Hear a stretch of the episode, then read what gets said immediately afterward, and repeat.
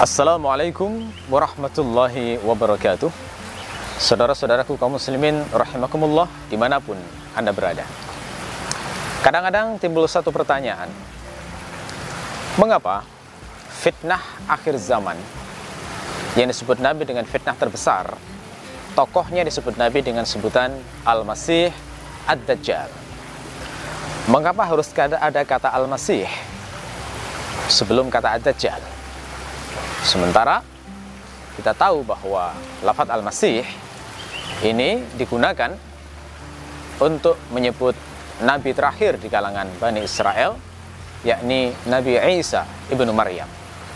Kita mengenal beliau dengan nama lengkap Al-Masih Isa ibnu Maryam.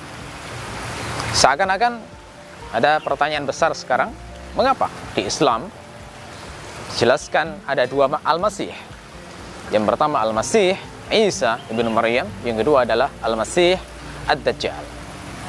Doa yang diajarkan Nabi juga mengandung lafat Al-Masih ini.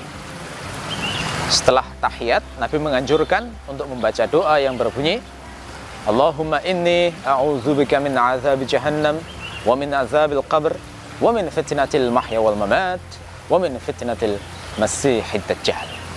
Ya Allah, aku berlindung kepadamu dari azab atau siksa neraka jahanam, dari siksa kubur, dari fitnah hidup dan mati, dan dari fitnah Al-Masih Ad-Dajjal.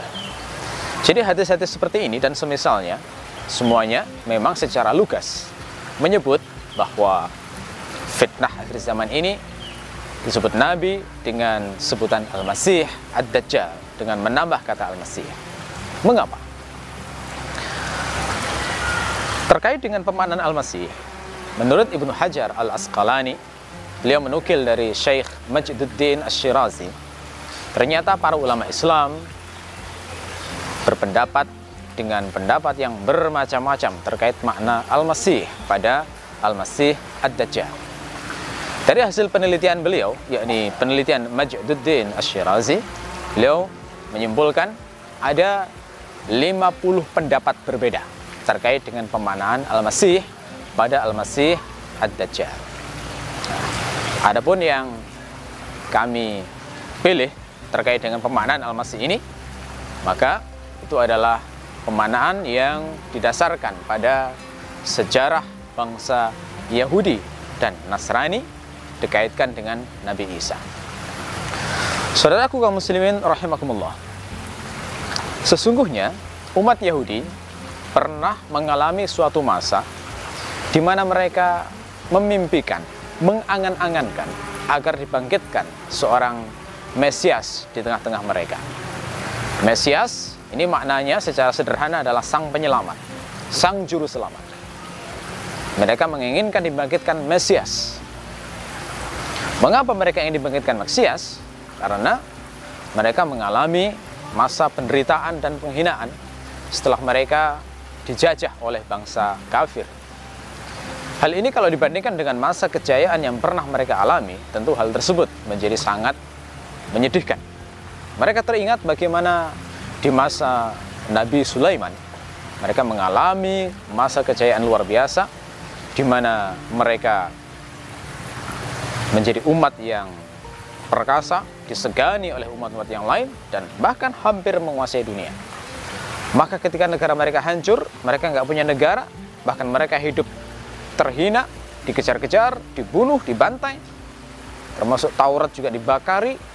Hal ini menimbulkan kesedihan pada mereka, sehingga mereka memohon kepada Allah agar dikirim seorang Mesias yang akan menyelamatkan mereka, membawa mereka kembali ke masa kejayaan. Allah pun mengabulkan keinginan mereka, berjanji untuk mengutus Mesias pada mereka. Dan Allah menjanjikan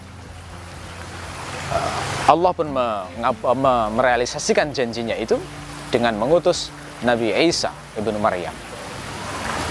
Jadi Nabi Isa bin Maryam, beliaulah Mesias yang dijanjikan oleh Allah. Dan Mesias ini dalam bahasa Arab disebut dengan Al-Masih.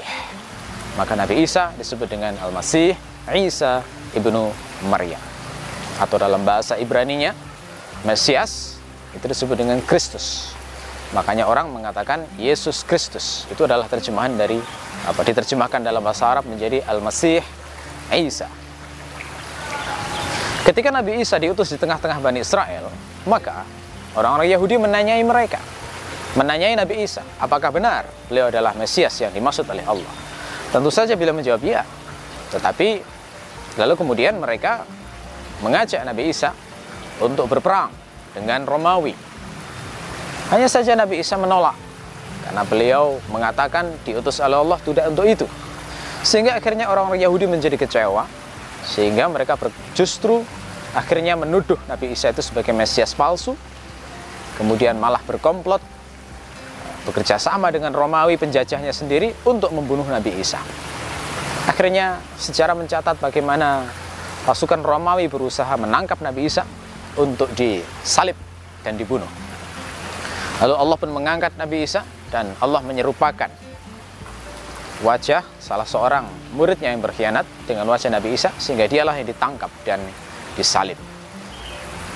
Akhirnya Yahudi sejak hari itu masih menunggu sang Mesias.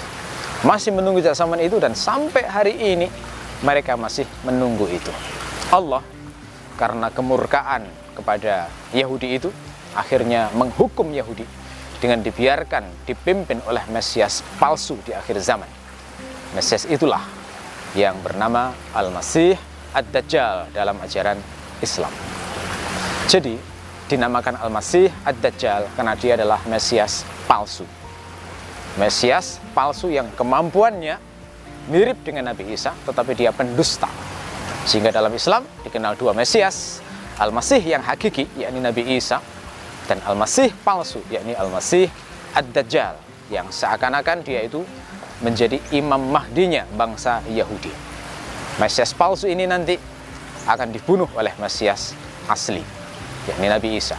Itulah yang diajarkan dalam Islam sehingga ini bisa menjelaskan mengapa si Dajjal ini digelari dengan Al-Masih.